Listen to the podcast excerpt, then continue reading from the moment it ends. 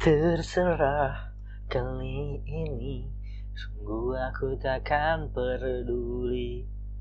Ku tak sanggup lagi Jalani kisah denganmu. Biarlah ku sendiri Tanpa bayang-bayangmu lagi Ku tak sanggup lagi Mulai kini semua terserah. Itu adalah lagunya Glenn Fredly Yang hari ini meninggal dunia Tepat hari ini Tadi malam ya. Dan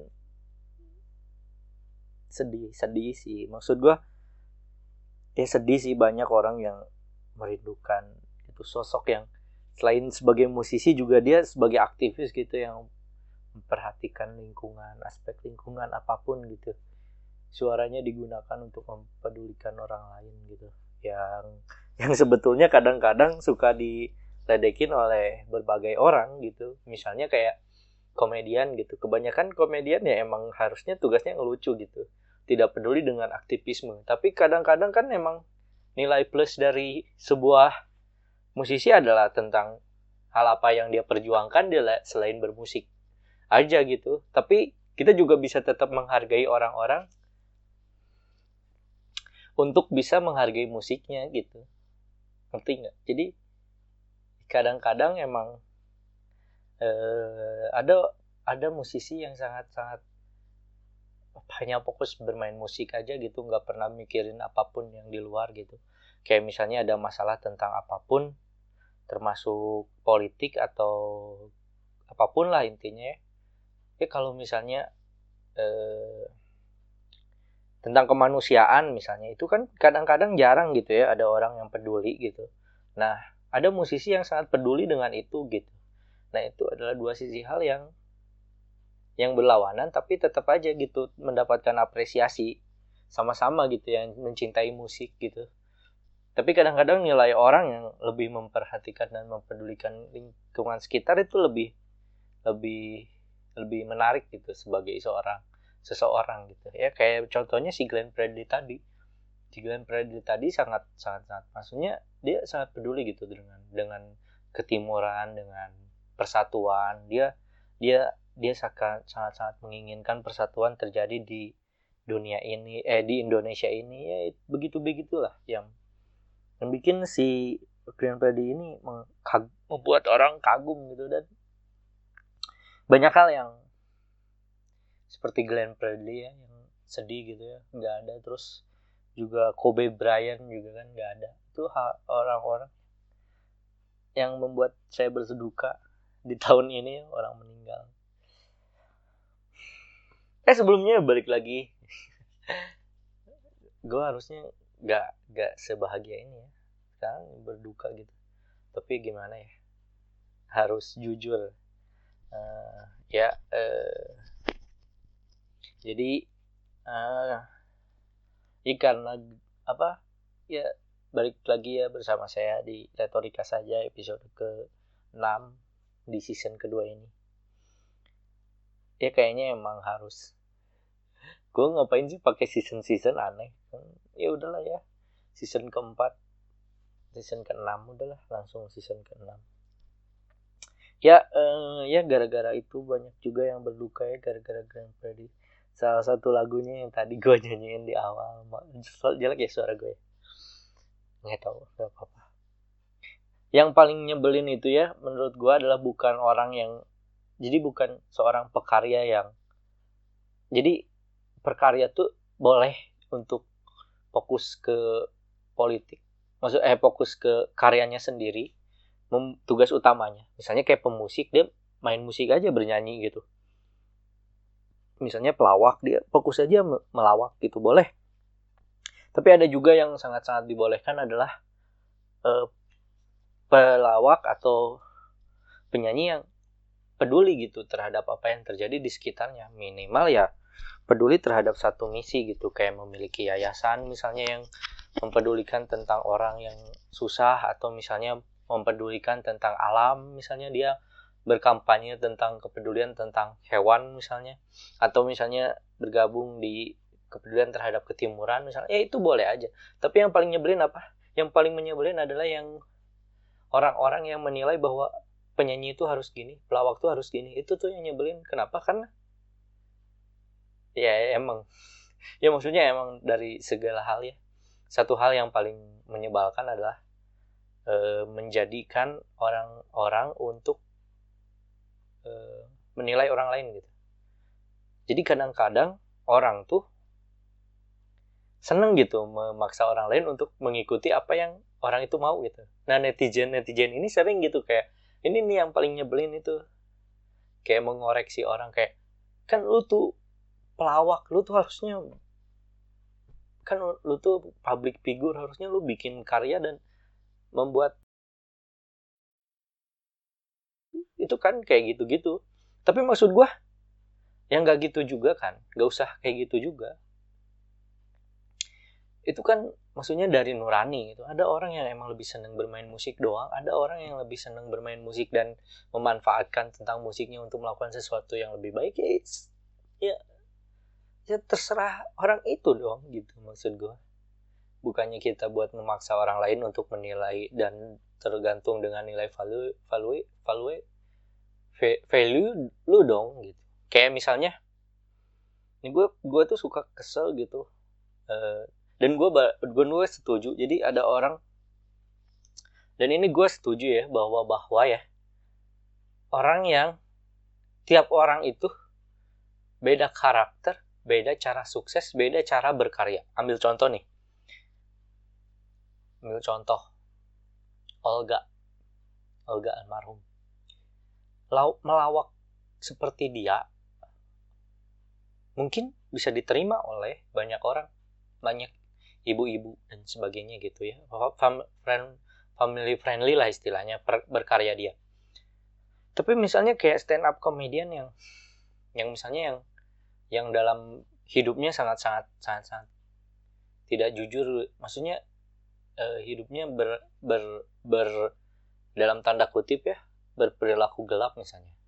Dan dia senang membahas tentang berperilaku gelap itu. Dan dia juga orangnya pervert.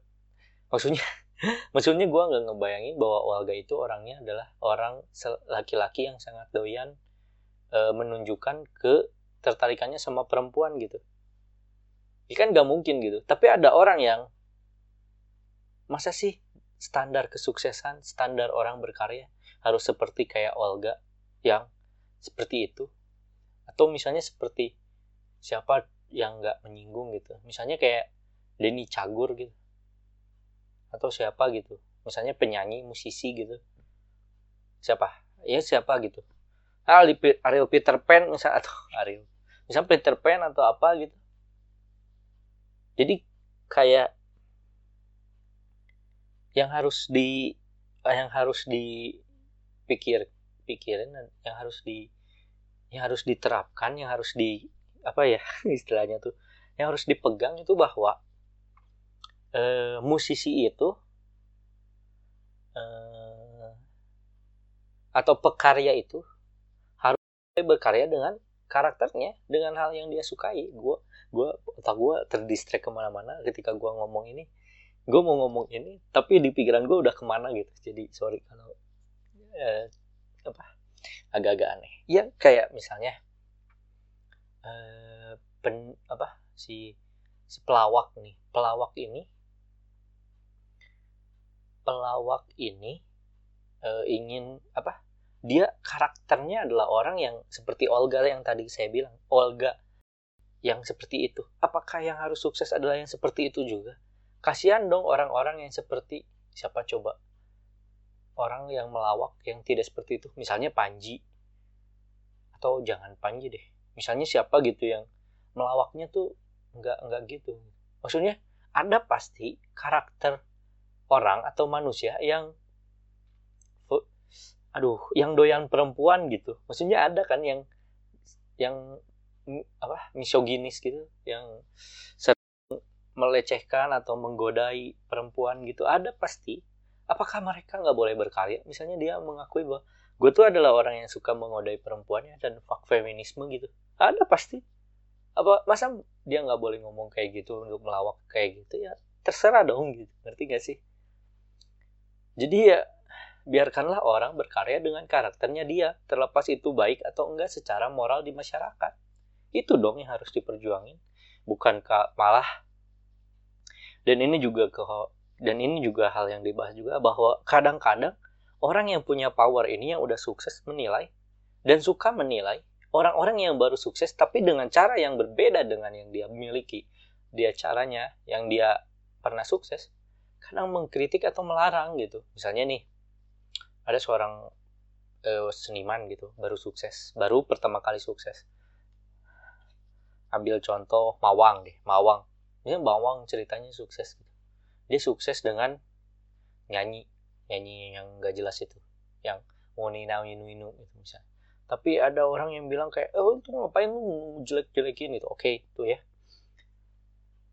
Terus ada seniman senior yang ngomong kayak lu kalau nyanyi yang bener dong masa lirik kayak gitu doang? Lu tuh gak bener nah ya itu salah dong. Karena gimana mau bisa gitu? Bahwa Mawang adalah karakternya ya seperti itu dia nyanyi.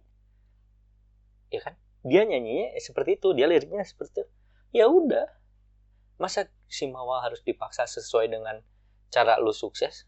Kan beda karakter beda beda karakter dong kamu si seniman yang dewasa ini yang udah senior ini dengan si Mawa itu ngerti? Ngerti ya? Nah gitu maksud gua yang nyebelin. Jadi ya udahlah tadi bahas Glenn ya Glenn terus kayak untuk melamar seseorang gitu kayak uh, yang dipakai untuk melamar seseorang kayak uh, lupa lagi bu yang dengarlah sayangku aku mohon kau menikah denganku. Itu you are my everything. Dengarlah sayangku. Menangani sisa hidup berdua. Habiskan sisa hidup berdua. Gitu loh, gitu Gue orangnya sangat-sangat kepo ya.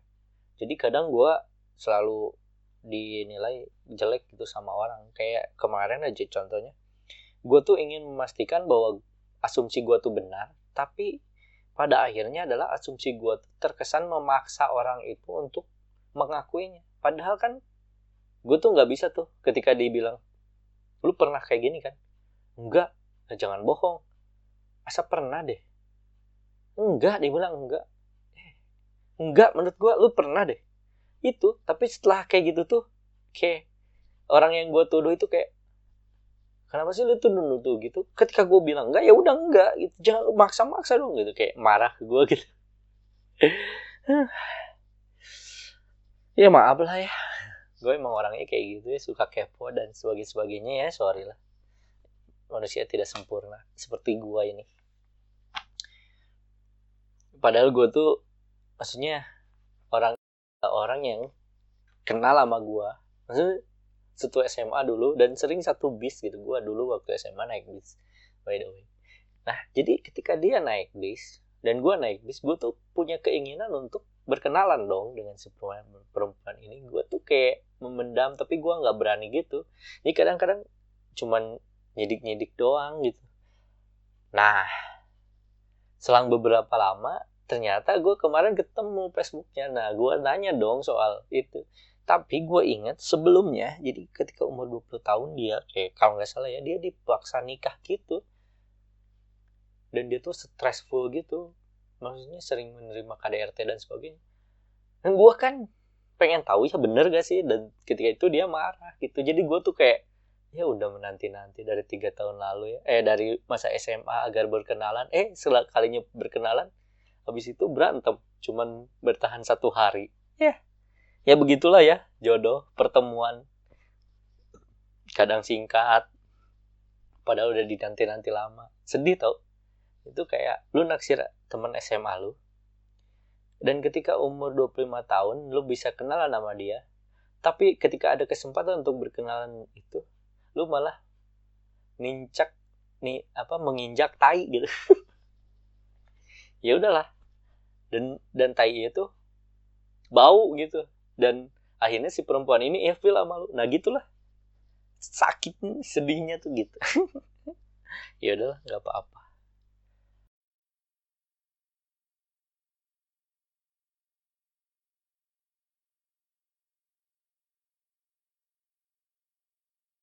Pagi gitu.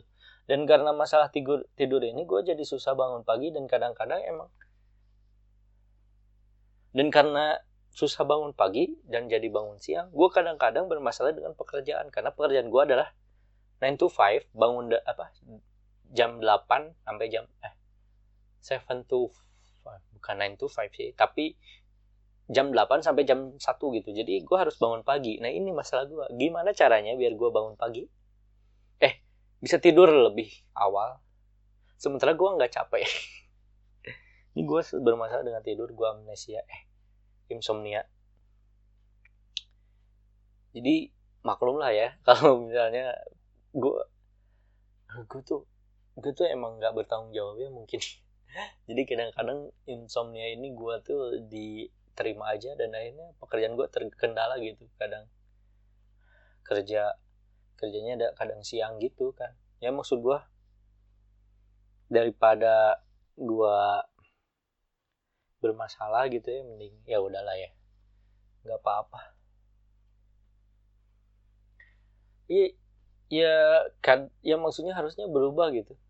Daripada kayak gini terus. Tapi mungkin emang aku gue harusnya berkarir tidak seperti itu ya. Jangan 9 to 5 gitu. Kayak mungkin harus jadi freelancer yang boleh bangun siang dan kerja di malam hari. Dan gue berpikir untuk jadi apa ya iya mungkin kayak gitu ya.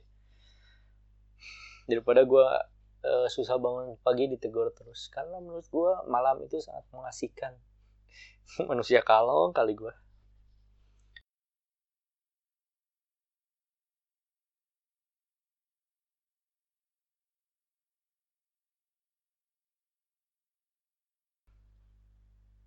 gue tuh selain bermasalah dengan tidur gue tuh bermasalah dengan uh, status. Gue jomblo gue nggak punya pacar gue nggak lagi deket sama siapa-siapa. Dan gara-gara virus corona ini gue jadi mengalami hal yang hal yang mengganggu gitu dalam hal uh, hubungan percintaan gitu. Ya kadang-kadang gue tuh di rumah aja padahal ada kesempatan buat malam mingguan. Gue gue juga pengen kali maksudnya? Maksudnya ya meskipun meskipun gue jomblo tapi gue tuh nggak pasif dong.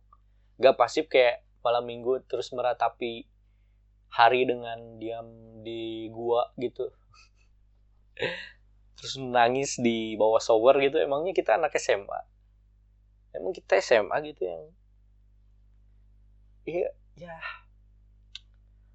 Gue sih nggak senorak dulu ya. Maksudnya kalau dulu kita zaman SMA ya, ngajak perempuan malam mingguan.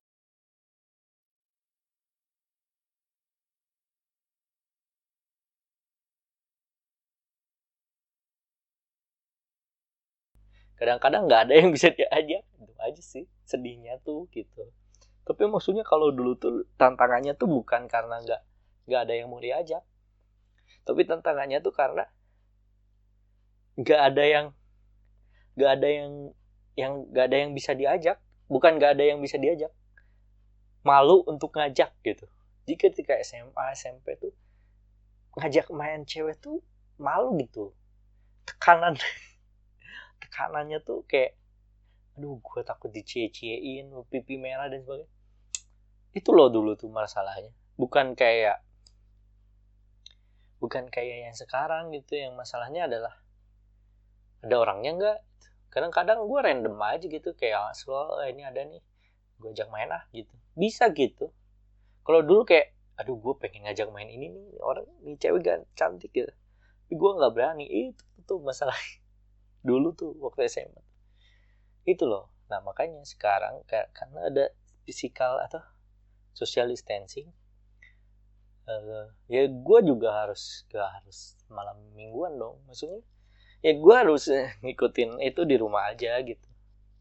Nah gara-gara itulah akhirnya kan upaya gue untuk mencari pasangan jadi terhambat gitu. Ngup. kayaknya ya. Kayaknya mungkin gue tuh salah prioritas gitu. Kayak ketika ketika masalah gue ini ya ketika social distancing ini masalahnya adalah masalahnya adalah e, car bel, apa gag apa usaha untuk mendapatkan pasangan itu terhambat justru orang lain berpikir bagaimana kita bisa survive gitu bertahan di ancaman wabah ini gitu bagaimana mereka bertahan gitu. Dalam hal segi ekonomi ya karena banyak hal yang mm, apa karena banyak sekali yang ambruk gitu ekonominya. Misalnya ya karena karena social distancing ini pabrik-pabrik pada tutup karena nggak ada yang beli. Misalnya pabrik tas gitu. Nggak ada yang mau beli tas di masa sosial corona gini. Ya physical distancing dan wabah corona ini. Buat apa beli tas? Ada tas gitu. Ambil contoh. Terus ketika wabah corona ini nggak ada juga yang mau cukuran. Nggak ada yang mau tukang cukur. Susah pasti karena orang kan kalau dicukur harus physical distancing, bertemu fisik. Gak bisa nggak bisa physical distancing. Masa virtual gitu cukurnya? Kan enggak. Eh, ya jadi kan harusnya itu yang harus dipikirin gue tuh harus survive gimana nih caranya gue bisa dapet uang dan lebih bisa bertahan hidup dari virus ini ya gue harus gitu nyari pemasukan yang lain gitu karena kayak tuh penting tau. Banyak uang tuh penting. Gue baru menyadari bahwa banyak uang tuh banyak uang tuh penting. Kenapa? Karena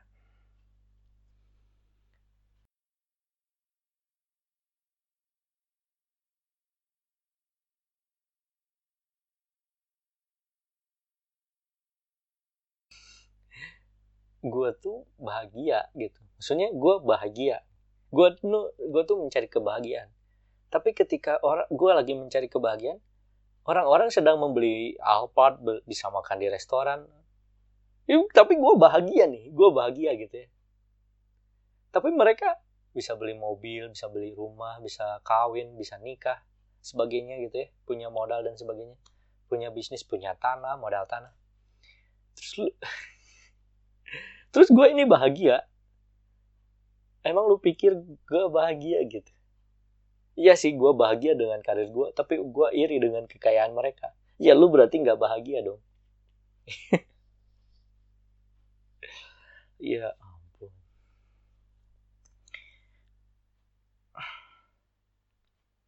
Ketika ada orang yang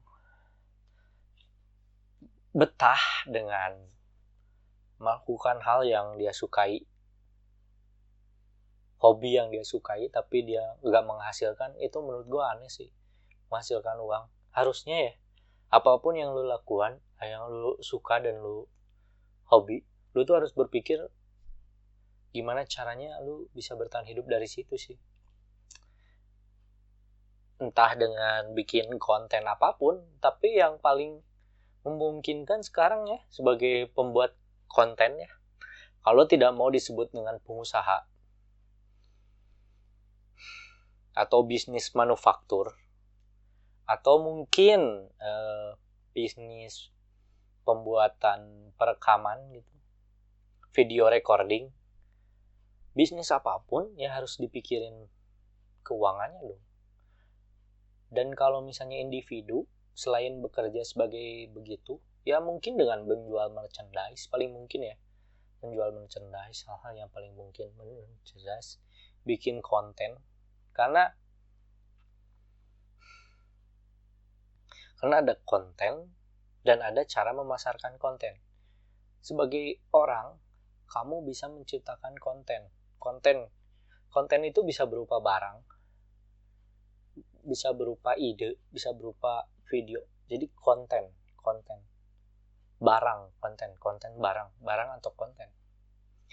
Dan itu adalah harus dijual dipasarkan dengan cara disebarkan ke YouTube dicetak di mana. Bebas mau di mana mana pun. Gimana lah caranya ya biar orang kaya.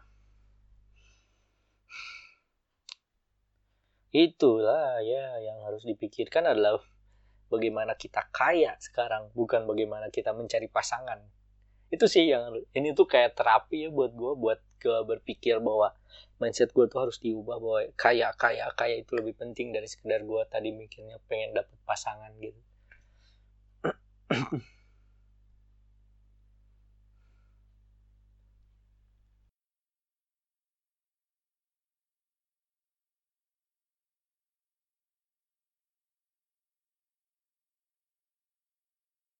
Gitu ya sama guru maksudnya kemarin gue nonton gitu ya video guru guru apa temen gue yang guru SD cara mengajar gitu. Dan gue masih sedih gitu ketika mengingat bahwa cara mengajarnya dia tuh masih berbasis hafalan gitu.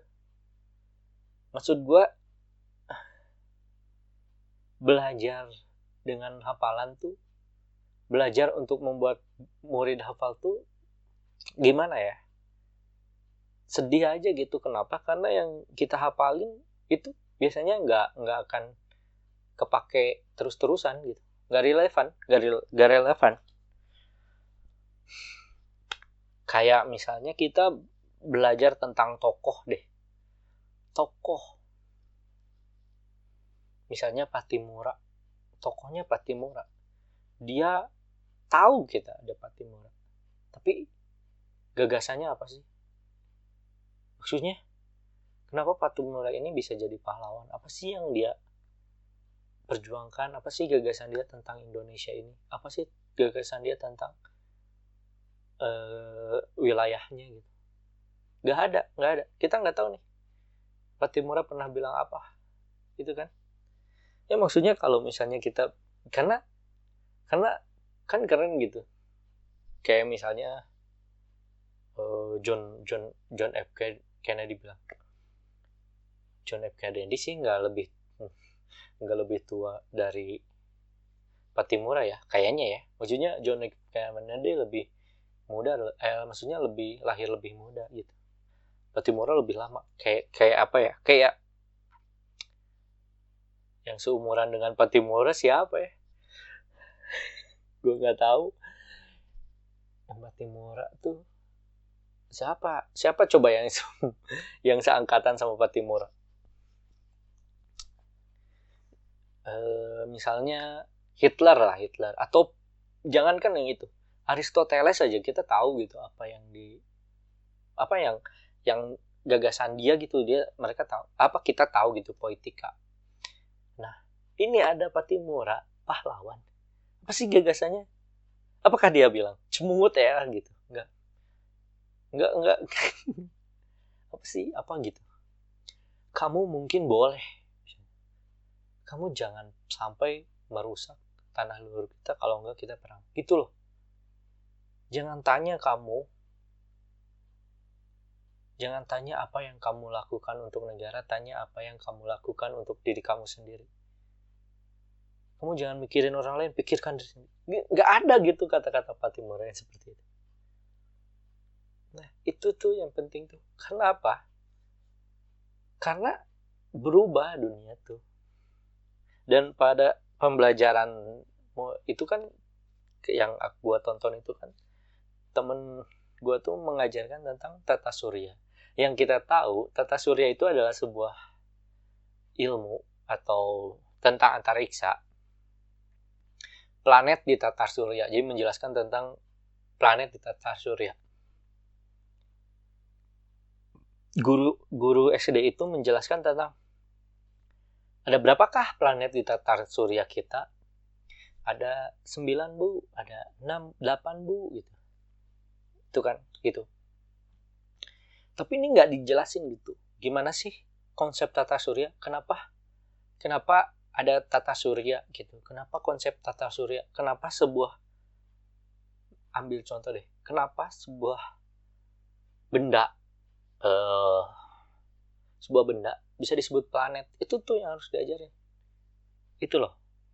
Jadi jadi jadi harusnya ke murid itu ajarkan nah jadi di jadi kita tuh hidup di planet planet bumi. Planet bumi ada di tata apa planet tata surya kita yaitu apa galaksi Bima Sakti.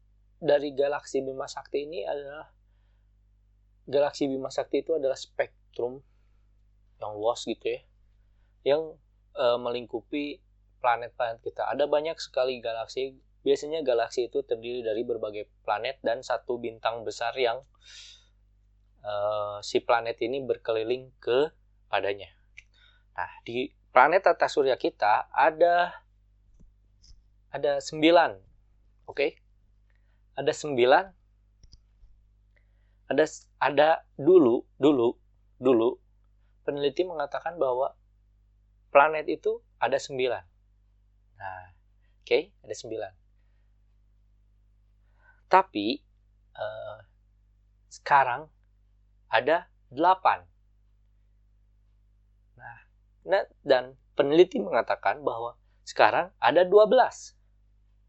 Nah, jadi pen, anak-anak, planet tata surya kita itu kadang-kadang berubah tergantung dari kualifikasinya. Nah, kamu tahu nggak kenapa sebuah benda di alam bisa disebut planet? Nah, itu yang harus diajarin harusnya kan? Ya. Jadi planet itu kenapa disebut planet? Pertama, dia harus punya bulan atau satelit alami. Bumi punya satelit alami namanya bulan. Lihat bulan. Satelit ini satelit alami ini mengelilingi planet. Jadi sebuah sebuah benda apa sebuah benda yang bentuknya besar gitu diameternya sebuah benda benda di luar angkasa. Bisa disebut planet jika ada bulan yang mengelilingi. Dan dia juga berotasi mengelilingi matahari. Oke? Nah jadi, kenapa Merkurius, nih anak-anak ingat ya, Merkurius, Venus, Mars, Pluto, eh, Saturnus, Jupiter, Merkurius, eh, Uranus, Pluto. Merkurius, Venus, Mars, Bumi, Jupiter, Saturnus, Uranus, Pluto, 8 8 ada pokoknya semuanya itu berkeliling ke planet lainnya. Gue juga nggak tahu nggak apa ada berapa planet di atas dari namanya iya kan? Gitu. Mereka berotasi eh, ke matahari. Makanya mereka disebut planet. Apakah bintang planet eh, matahari sendiri adalah bintang terbesar ya? Apakah bintang berkeliling matahari? Enggak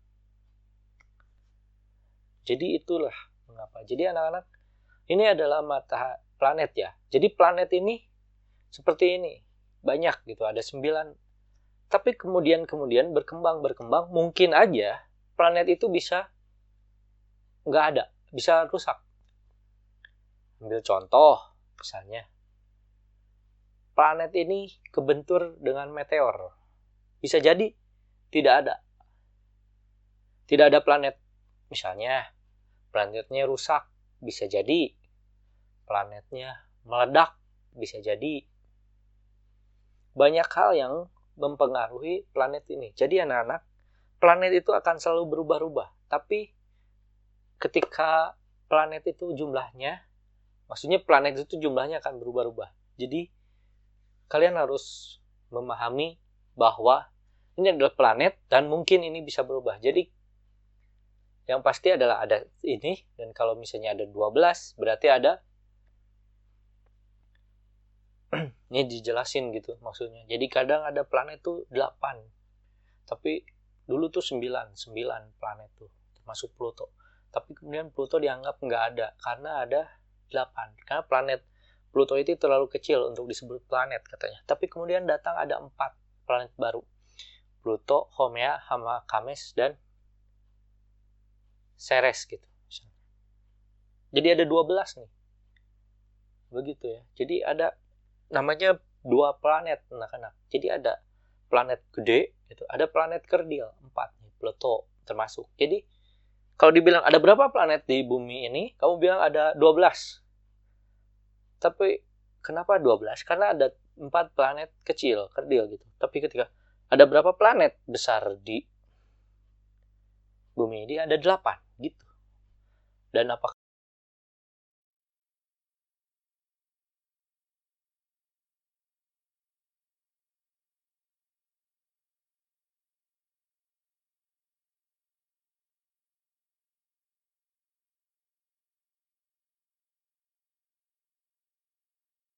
planet bumi?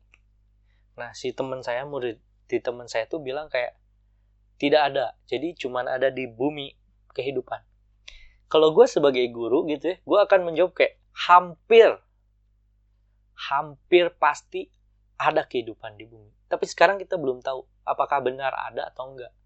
Tapi hampir pasti ada kehidupan di bumi. Kenapa? Karena banyak di alam kita ini di angkasa luar ini uh, misteri gitu yang belum bisa kita kita dapatkan informasinya. Ham, tapi peneliti sedang berupaya mencari mencari mencari uh, apa? Mencari mencari kemungkinan-kemungkinan terhadap datangnya adanya kehidupan di luar planet bumi. Jadi bagi kamu mungkin kamu mungkin bisa mencari dan atau menemukan uh, bumi eh apa kehidupan selain di bumi itu mungkin kayak di Pluto misalnya ada mikroorganisme yang hampir dipastikan mirip. Terus ada planet di luar tata surya kita ya.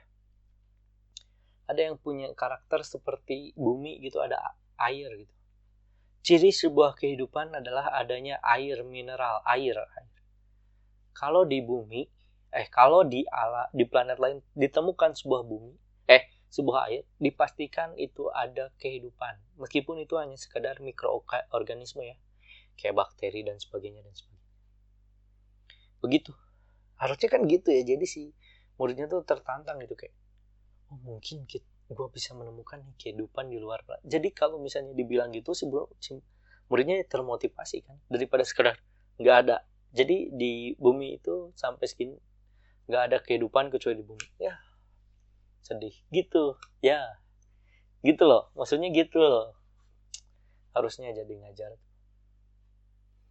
Ini membuat si muridnya tuh penasaran penasaran gitu loh. Ya. Kok jadi serius gini? Mana lucunya?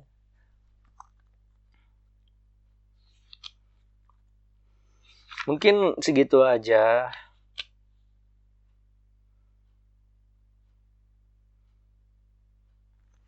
mungkin ya segitu aja yang bisa